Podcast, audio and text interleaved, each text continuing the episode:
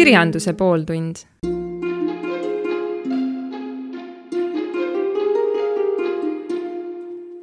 tere, hea kuulaja. jätkame kirjanduse pooltunniga Põltsamaa raadios ja mikrofoni taga on Heldur Lääne. meil on üks saade selja taga meie neljast väikesest järjesaatest ja me oleme võtnud ette lahata kirjanduse pooltunnis raamatut Kümme päeva Paides. ma ennist jäin, jätsin ütlemata, et äh, see Paide raamatu valik sündis ka sellepärast, et äh, tegelikult ju välisautoreid on nii palju ja see oleks jah, võib-olla akadeemilisem siin meie äh, saates lahata, aga, aga see oma ja maavillane, et sellest me saame vist paremini aru ja jõuame nagu ühtedele tulemustele koos sinuga kergemini. eelmine saade oli kindlasti väga intensiivne, aga ma loodan, et sa oled tänaseks puhka, puhanud ja me paneme sama tempoga edasi. nüüd siis äh, mis siis meil eelmises saates oli, see nende jaoks, kes äh, praegu esmakordselt raadio juures on. täna käib Eestis kodusõda riik on jagatud pooleks, tegevus toimub meie riigi südames Paides. Ja mina tegelane on väga motiveeritud ja tahab kaasa lüüa selles sõjas, et õiglus võidaks, aga vot sõda on väga ebaõiglane ja meie kangelane satub rindele ja isegi sellest rindest natukene veel ettepoole ei kellegi maale kümne naisega keldrisse redutama sõdida ei saa, sõdi, sõda käib üle nende peade, ta peab end varjama ja kannatama. no seal keldris on, ei öö, ei ole neil millestki puudust, aga ei ööpäevavaheldust ja, ja keldrist pääsu ei ole, sest ainukene uks on vaenlase poole keset keskväljakut ja, ja neil ei ole mitte midagi muud teha, kui istuda ja kannatada aga kuna eelmises osas oli meil päris palju juttu sõjast ja, ja see raamat ei ole tegelikult päris sõjaraamat, siis ma arvan, et, et ähm, täna me võtame ette need kohad, kus ei tulegi sõjast üldse ühtegi sõda, sõna, äh, aga, aga seda enam, et, et äh, neil on see eneseisolatsioon ja meie peategelase äh, mõttemaailm on sedasi kaunis äh, pärsitud ja häiritud, siis, siis noh, hea analoogia on selle kohta see, et, et Covidi ajal nii mõnigi meist koges ka seda ja ja siis me nägime, et me hakkasime nagu sellist väga noh, ei ma ütleks, et segast, aga, aga väga niisugust eripalgelist juttu ajama ja, ja tänasedki teemad on ikka päris seinast seina. Aga läheme siis kohe edasi, et, et eelmine osa lõppes meil sellega, et, et meie peategelane tuletas meelde, et tema on käinud ka Arvamusfestivalil Paides ja, ja oli sellega väga-väga rahul ja kuulas ka ühe poliitiku innustavat kõnet meie saate lõpus aga, aga lisada jääb juurde sinna, et tegelikult äh, meie kangelane on selline äh, välikohviku sõber ja tahaks džässmuusikat kuulata ja üldse olla selles seltskonnas, aga, aga tal on niisugune väike kimbatus, et, et äh, seal Arvamusfestivalil ja seal ikka pakuti ühte-teist, aga ka muidu alates Tallinna Raekoja platsiga, et, et on need välikohvikud on välismaalaste orienteeritud hiigelinnaga turistilõksud, niisugused Disneylandi taolised asjad ja ja sellist head mõnusat kohta nagu on väga raske leida ja, ja vist terves Eestis. peab ütlema, et viimasel ajal on veidike parem, aga see kahe tuhande kaheksateistkümnendal aastal kirjutatud raamatus oli see asi ikka väga karm ja nüüd siis läheme esimese lõigu juurde, mis meie peategelase peas on. ma arvasin, et nii on välikohvikutega, turismindus ju enesemüümine kogu ma-, kogu maailmas kuni juhtusin Poolas ühe väikese vanalinna Raekoja platsile keskpäeva, keskpäeval. ei saanud ühegi kohaliku rahvusvahelise keelega, ei inglise, ei saksa, ei venega hakkama. kelner oskas ainult poola keelt. kõrvallauast proua aitas hädast välja tema rääkis minuga saksat ja tõlkis ettekandjale. jäingi siis kohvi ja kohalikku kooki süües mind ümbritsevat rahvast uurima. võta või jäta, ei ühtki välismaalast peale minu, kõik kohalikud, enamasti peredega pühapäeva veetmas. lapsed ei kisanud, sestap neid esimese hooga ei märganudki. kui sügavalt süveneda, siis päris sürrealistlik olu on ka teistmoodi võimalik või siis sellesse pärapõrgusse ei tulegi turistid, mina välja arvatud. ja eks siis kohalikud peavad ka seda rolli täitma. veidi kade tunne oli, kui odav ja kodune seal oli. vot selline oli siis äh, Paide lõpetus ja, ja ma tõepoolest kõike järgepidi võtta ei saa, sest meie peategelase mõttemaailm ikka käib ikka küll lapsepõlves ja, ja kus mujal. Ja muidugi peab lisama, et, et, et need meie eh, naised, kes seal on ka juhuslikult sellesse keldrisse sattunud, eh, nemad ikka ütlevad ka oma lugusid ja sõna sinna sekka, aga, aga, aga me võtaks võib-olla edasi, et eh, meie peategelane jääb mõtlema naistest kui sellisest ja, ja, ja kuidas on naise ja mehe mõtlemise erinevus, aga ta maandub noh, ütleme oma raja peale ja temale tuleb hoopis meelde, kuidas tema esimene viimane narkokogemus oli. no et võta või jäta, selline selle mehe mõtteviis on ja, ja läheme siis sellega edasi. see, see on tal väga ehedalt meeles baaris oli soe, muusika ja mõmisemine igas lauakeses reede, kui noaga oli töise nädala saba tagant lõigatud ja terve prii nädalavahetus ees.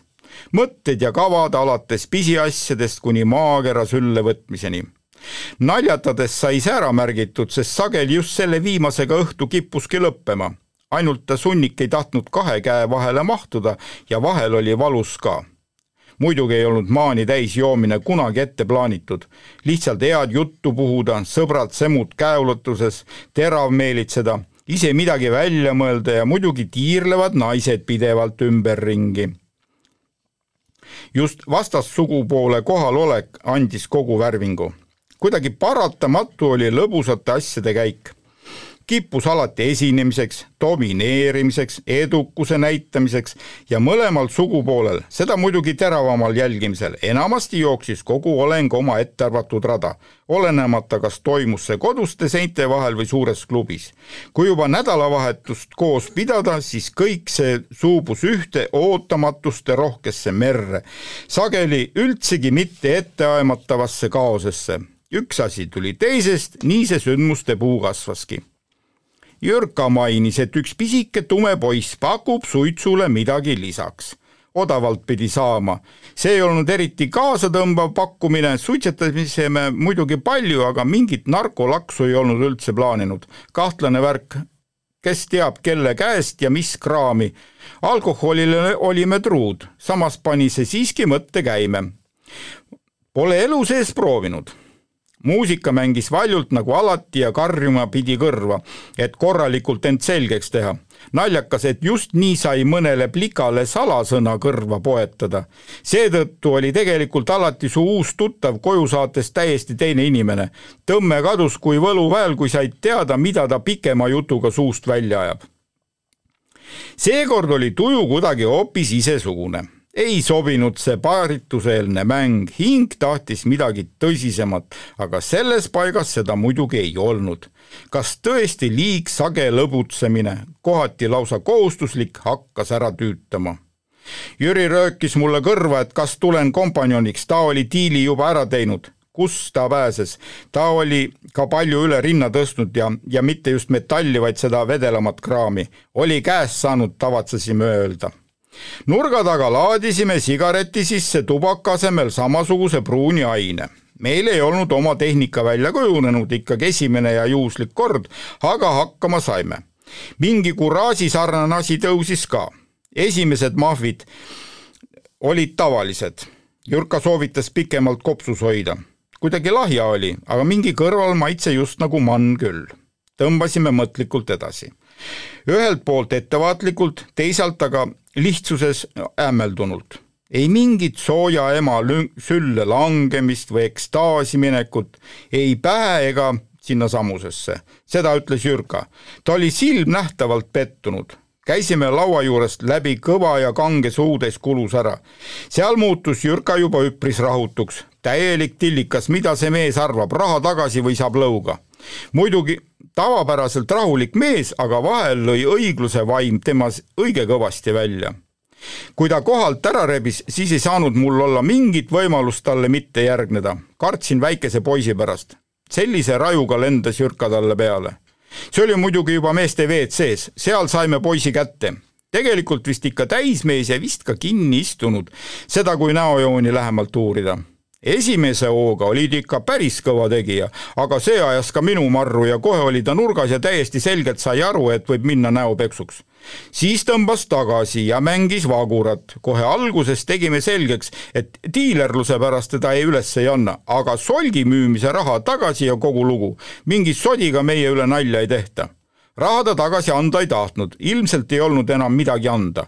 aga oma kauba kvaliteeti kiitis küll, no see muutis asja jälle kurjaks. nii ülbe. Jürka Rusikas hakkas kui iseenesest vehkima. kas te olete näinud nurka raetud rotti? mina nüüd olen.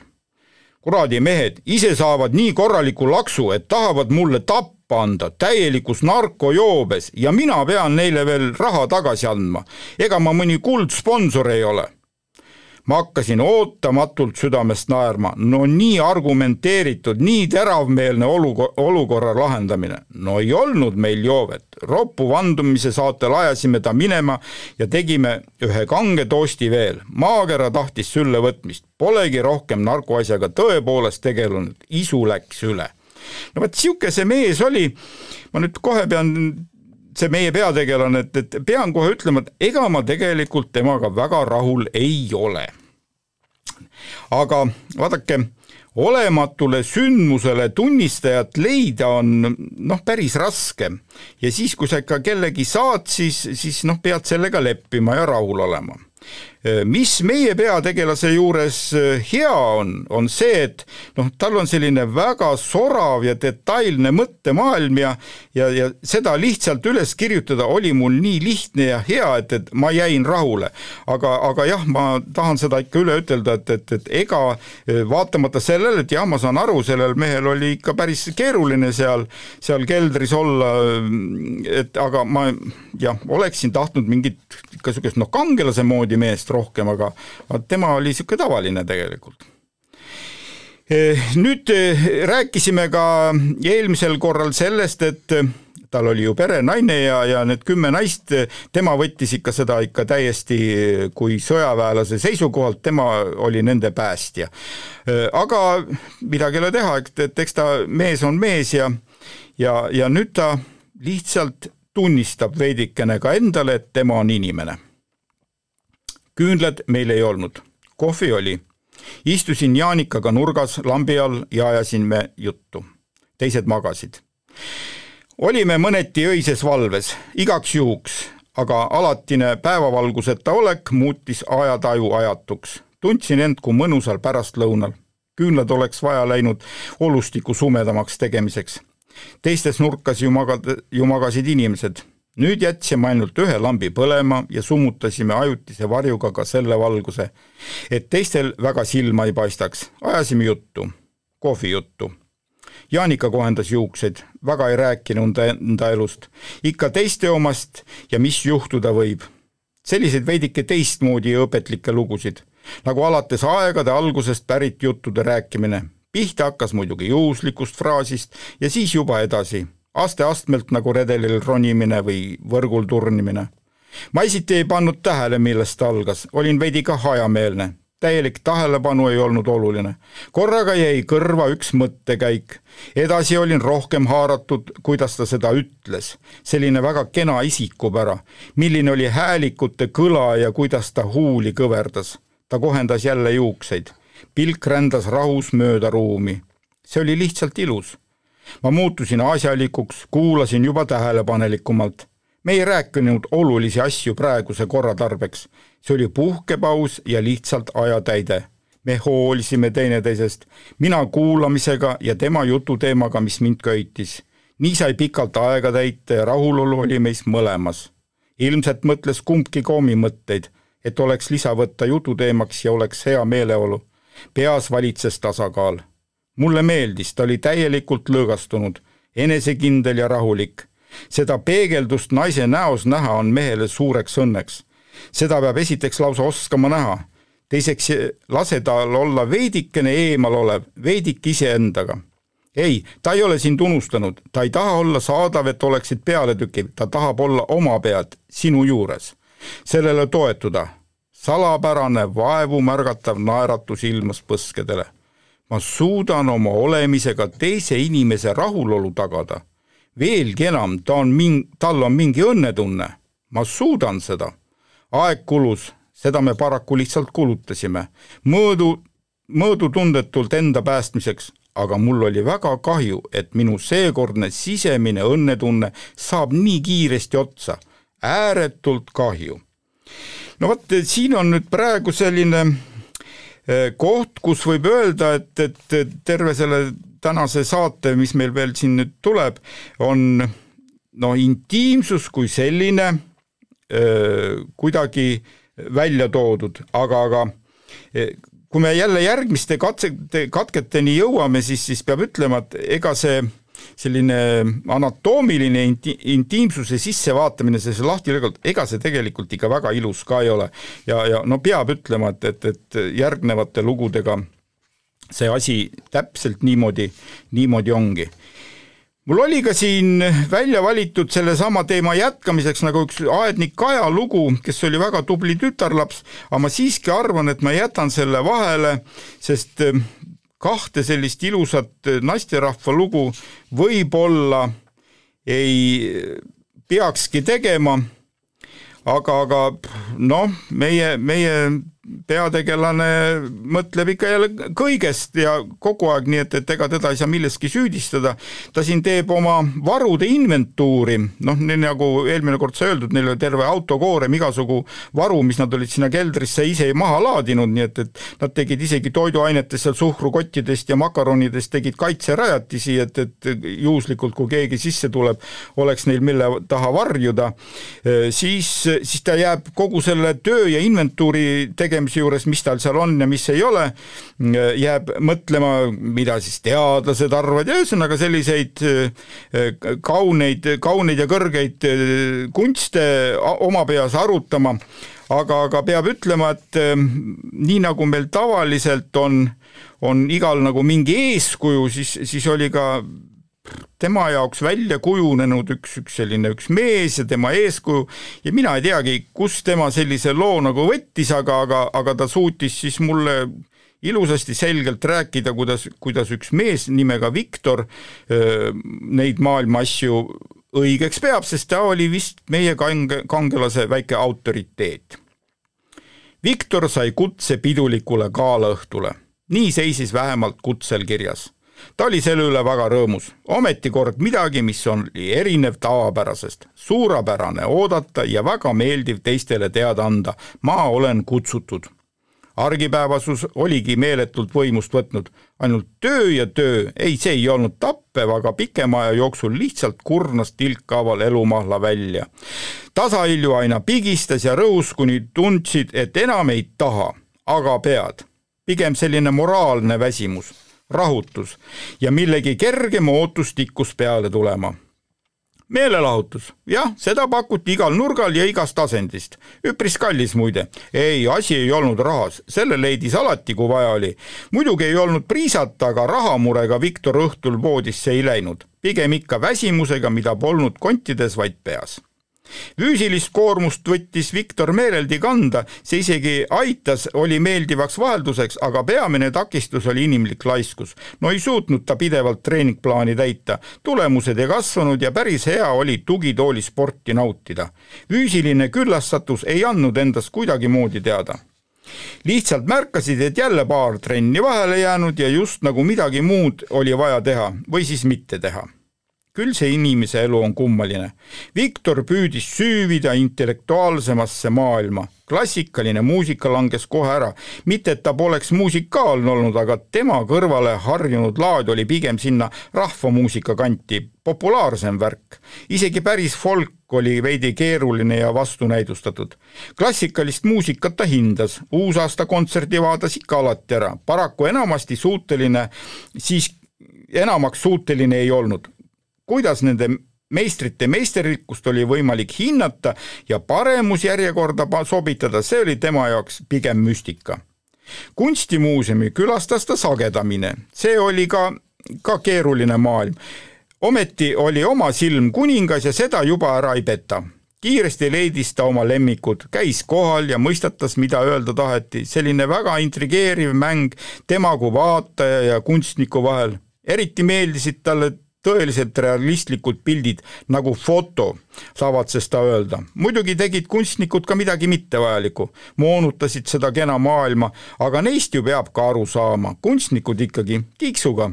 Seda uuemat ei mõistnud Viktor eriti, happening'i maailm oli lihtsalt igav ja perverssused, mida juba sageli kohtas, ei olnud tema rida, sestap ta nautis vanu meistreid, juba surnud suurmehi, kelle puhul oli kõik selge ja lihtne ja lihtsalt ilus kahjuks kogu meistrite plejaad oligi enamjaolt surnud, isegi muusikast mõistis ta rohkem juba surnud autorid. ja kirjanduses samuti. kord leidis ta aastalõpu aruande näituselt ühe noore kunstniku ääretult realistlikke ja just teda puudutavaid töid paraku rohkem ta seda autorit enam ei kohanud ja küsida ka ei osanud, sest nimi oli läinud meelest. kahju kaotusest kirjandust oli tal koduski, aga vahetevahel käis ka raamatukogus, seda poolenisti seltskonna ja näo näitamise mõttes. kokaraamatuid ta ei tellinud, kodusisestamise omi vaatas küll. Luuleraamatuid oli isegi koduriiulil, mõnda vahetevahel lugenud, enamasti võttis ta juturaamatuid, aga mida salata, luges ta ajaloo ja eluloo raamatuid, nendest sai ta kõige paremini aru. kummaline oli muidugi arusaamine loetust sageli sattus ta isegi vaidlusesse, sest oli mõnede faktide osas kuidagi meeldejäämisel vääratanud ja kui oli mingeid maailmavaatelisi seisukohti, siis arusaamine võis inimestel olla ikka totaalselt erinev. Viktor oli mõnedki korrad vaidlusaluse teksti uuesti läbi lugenud, salamahti, sest ta tõepoolest oli mõnikord mõned asjad valesti meelde jätnud ja teatud kohti üle lugedes võis kirjutatult ka teistmoodi mõista. Viktor oli aut-, autoriteetse väljendusega ja enamasti teatis alati, kuidas asjad peavad olema ja on olemas ilu, mida peab hindama.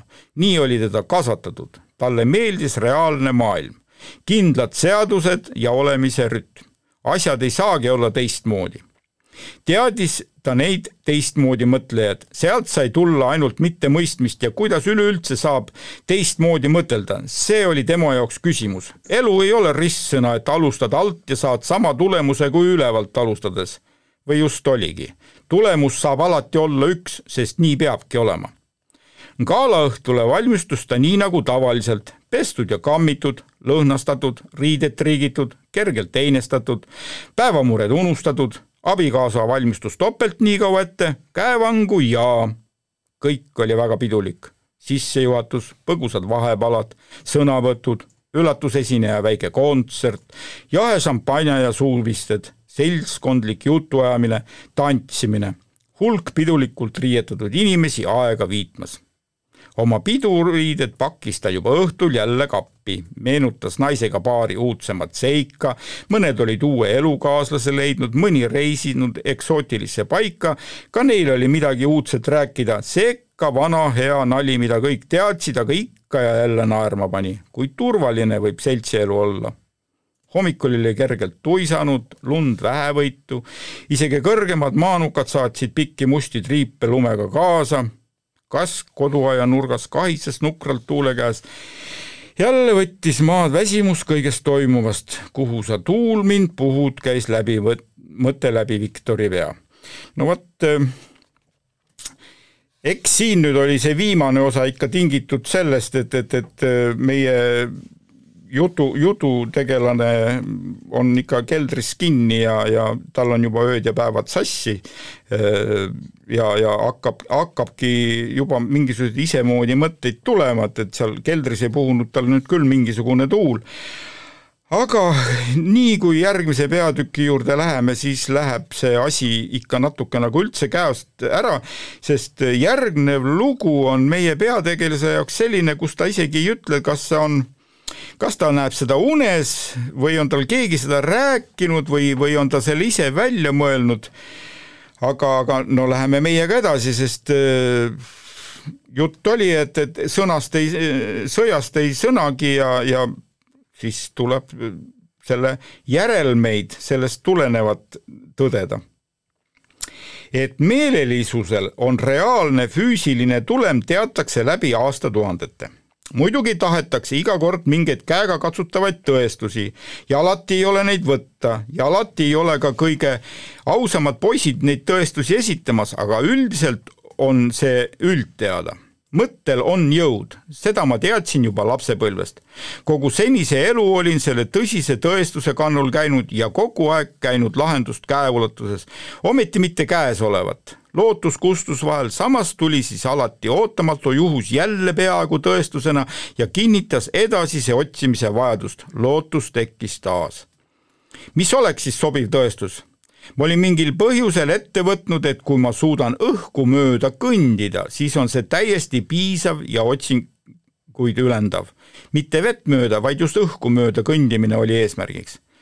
kujutasin ette, kuidas ma astun üle kuristiku serva ja lähen taamal asuva kõrgema mäeni, otse läbi õhu julge peab olema meel, et sellist soovi soovida ja veel julgem, et ette võtta.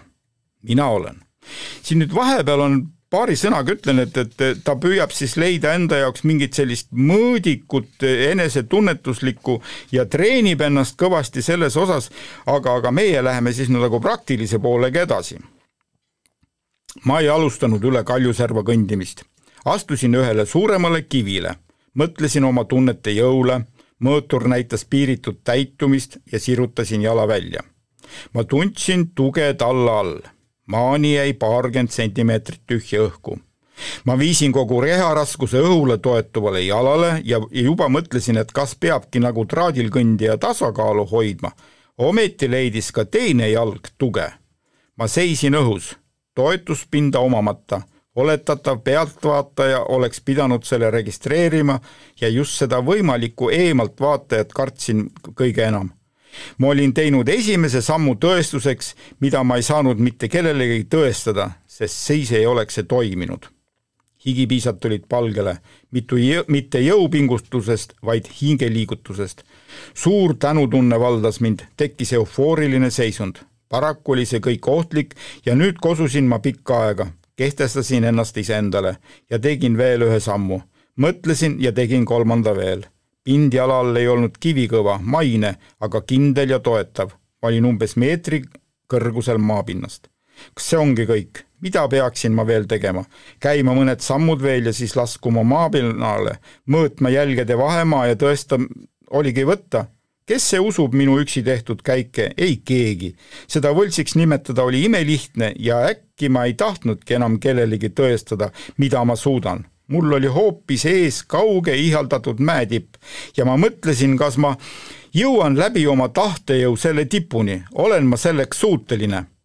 järgnevad sammud tulid täiesti mehaaniliselt ja juba olin üle kuristiku serva, iseendale märkamatult, täiesti tähelepandamatult siis ootamatu esimene vääratus, ma just nagu komistasin ja kukkusin, üks jalg leidis õnneks uuesti toe.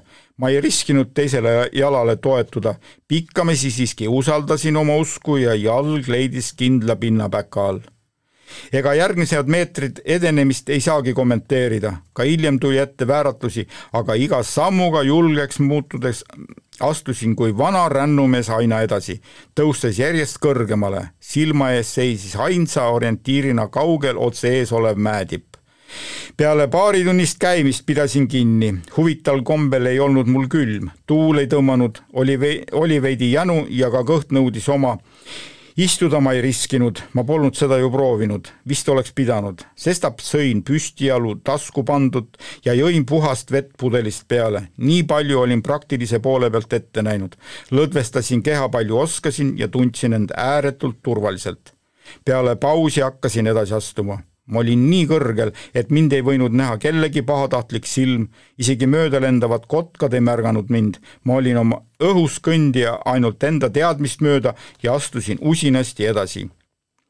pika päeva olin juba käinud, päike hakkas lähenema silmapiirile. ma teadsin, et töö tuleb siin kiiresti ja siis muutub kõik pikaseks pimedaks. mõõtur ei näinud, näidanud enam täpselt minu tunnete suurust tuli see minu füüsilisest väsimusest või ei suutnud ma end enam kontrollida. ma ei teadnud äkki, kuidas teha järgmine samm ja ikka õhus püsida. pikk maa oli õnnestunud läbi käia, lõpp-punkt oli silmaga juba näha, aga öö tuli tõepoolest langes päike viimase lõigu kui kukkudes. selle lõunamaise inimtühja mägede kandi olin ma ise valinud. kas kukun ka mina? kõrgus oli ju meeletu. järgneski pilkane pimedus nagu geograafiaõpikust võetu, ma ei näinud enda ümber mitte midagi, rääkimata kaugematest vaadetest. ei ühtki kuma ega peegeldust. jahe tuul paitas põski. ma ei teadnud, kas olen õhus ja paigal või kukun. kukkudagi oli igavik. selliselt kõrguselt saab kukkumise puhul maad puutudes silmapilkselt surma. aga kui ma ei kuku, pikk mõttepaus, ilmselt peab magama jääma, oli ainus mõte, hommik on targem kui ta tuleb. päev ei olnud tingimata väsitav ja selle mõttega ma uinusingi jala pealt. no vot, äh, kui nüüd kellelgi on kogemusi Covidi äh, isolatsioonist, äh, mis, mis oli ka vist, kui ma ei eksi, kümnepäevane, siis, siis võib-olla hakkab talle mingisugune tuttav mõttekäik tulema või, või tundmus, aga meie peategelane kaheksateistkümnendal aastal kirjutatud raamatus ei võinud ka õrna ui-, aimu omada sellest, et, et, et isolatsioon on meil ees ja tulemas.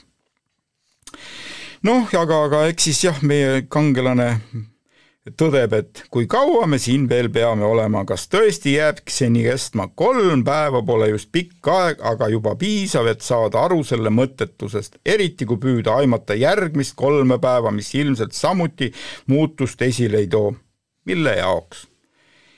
noh, ja nüüd siis äh, saame ainult kinnitust sellele, et, et meie peategelase jutt käib nagu, nagu purjus äh, voorimehe vanker edasi-tagasi, tiirat-taarat, sest äh, nüüd me oleme siin võtnud kena intiimteemat ette ja, ja, ja siis oleme mingi aeg narkootikumidest ja noortest meestest rääkinud ja ja kunstist ja, ja lausa õhus kõndimisest. Ja, ja võta või jäta, tema tuletab meelde sellist aega, äh, kui, kui neil oli mingisugune töökaaslastega väljasõit kalale. no lase ka olla. no ilmselt ikka seal keldris ei olnud kohe mitte midagi teha. päike kõrges taevas ja me polegi veel jõe ääres, nii kisas Albert üle luha, me, meie alfaisane, liider, kes kogu selle ettevõtmise üle kär-, üles ärgitas. minna kevadisele kalapüügile vanade püügiriistadega. seekord me ei räägi, mis lubatud, mis keelatud.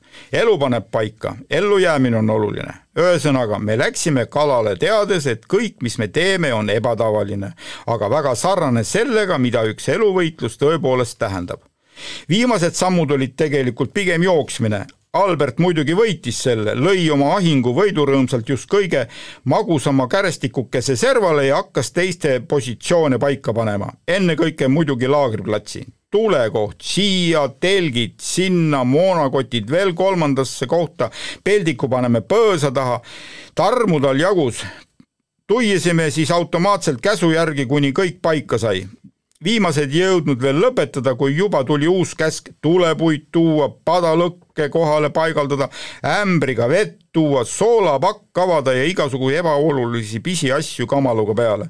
kust küll see energia võetakse ja kas on ikka nii palju kohe vaja teha? õige pea oli pada tulel, Albert kargas oma kärestiku juurde kalu passima ja kamandas kõik vait.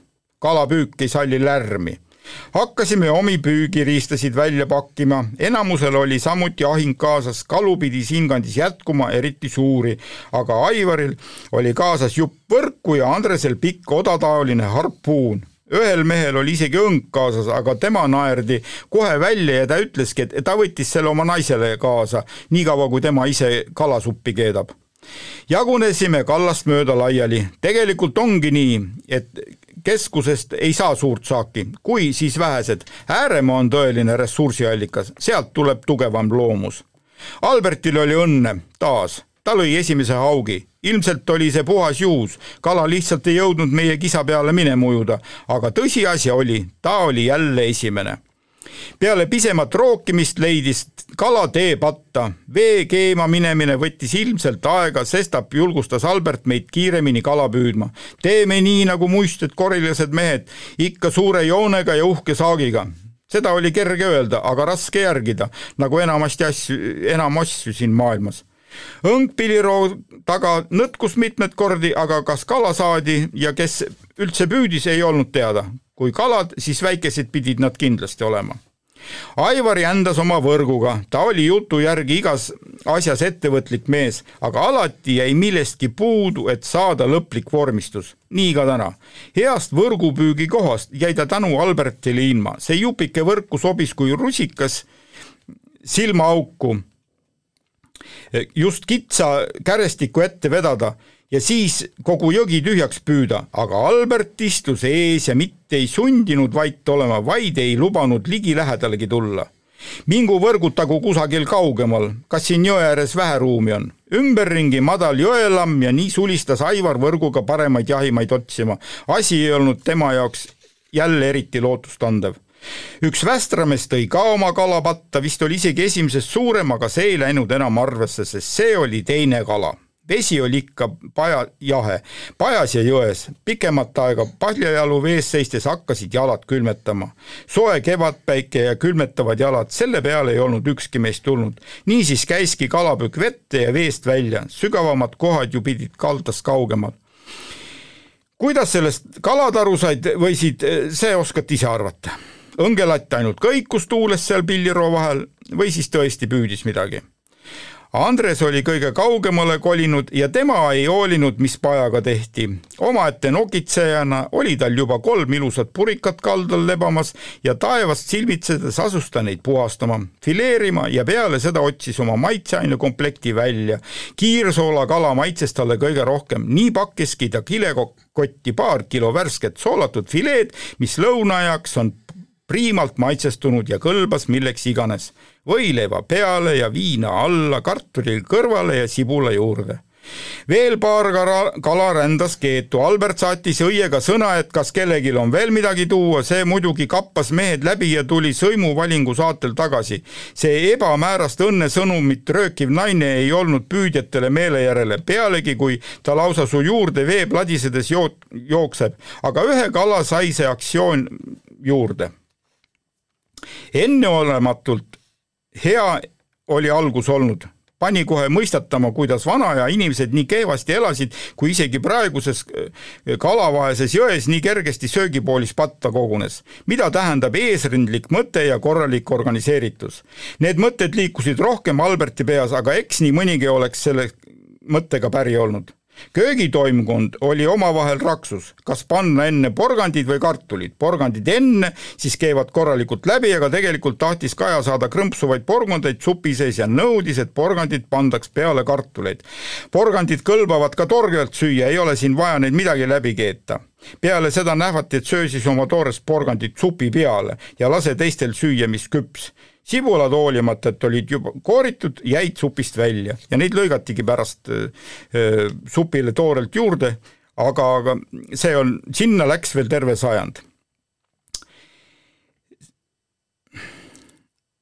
sest mitte üks väga meeldiv sündmus leidis aset. suure kulbiga sukkis, suppi segades vääratas Kaja ja paja hoidmise konstruktsioonid oli Peep ise kodus kokku keevitanud, temal oli väike kodune töökoda ja sealt ta tegi kõikvõimalikke imevigureid. peamiselt meeldiski talle teha igasuguseid aluseid ja toetavaid konstruktsioone, oli alusepanija. seekord oli selge, et metsas ei hakata otsima kaikaid ja siis mida maasse lüüa ja ühte vibalikku latti peale panna, kuhu, kuhu siis ka pada läheb ja otsustati Peebu käest tellida kokkupandev seadeldis. meister oli liigutatud ja sellise ülesande sai, ja tegi väga keerulise agregaadi, aga vot see vingerpussi mängiski, sest keegi polnud arvestanud, et supi segamiseks kasutatakse kahe liitrit suurt kulpi ja see pani kogu selle süsteemi kaldu loksuma kuidagi ebaloomulikult. Üks toes andis järgi ja paja sisu oli kõik tulel pada oli kummuli, supp oli mokas, esialgu võttis Alberti tummaks, aga tõsine mees ei anna alla, peagi püstitati supipada uuesti ja täideti veega. sisse pandi kõigepealt porgandit keema, kala ju ei olnudki. kala pidi hakkama uuesti püüdma või siis otsima, kellel juba midagi püütud on. väikese jageluse peale tuli välja, et õngemees omas tervet pangetäit väikest särge.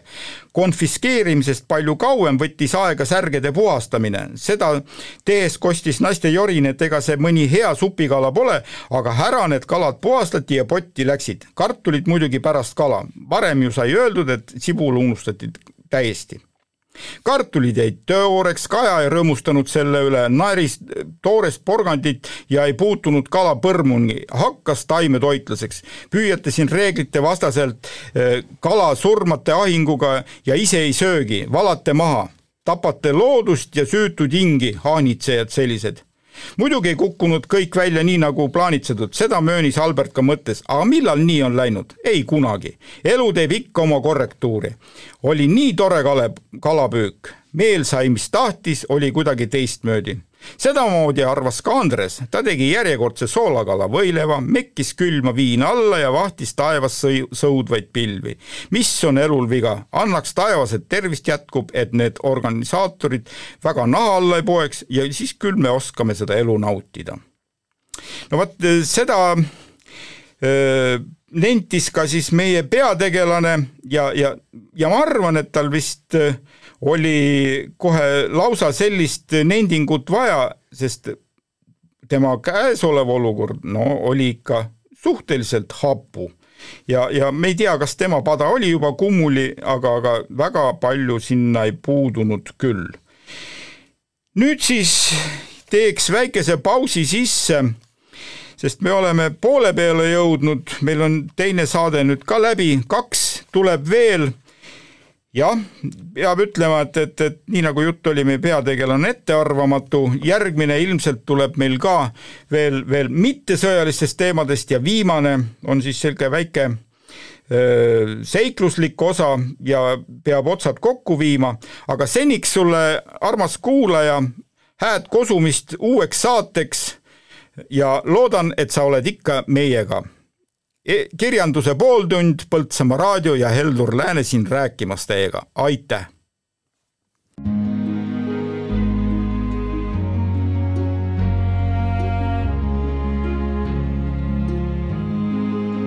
kirjanduse pooltund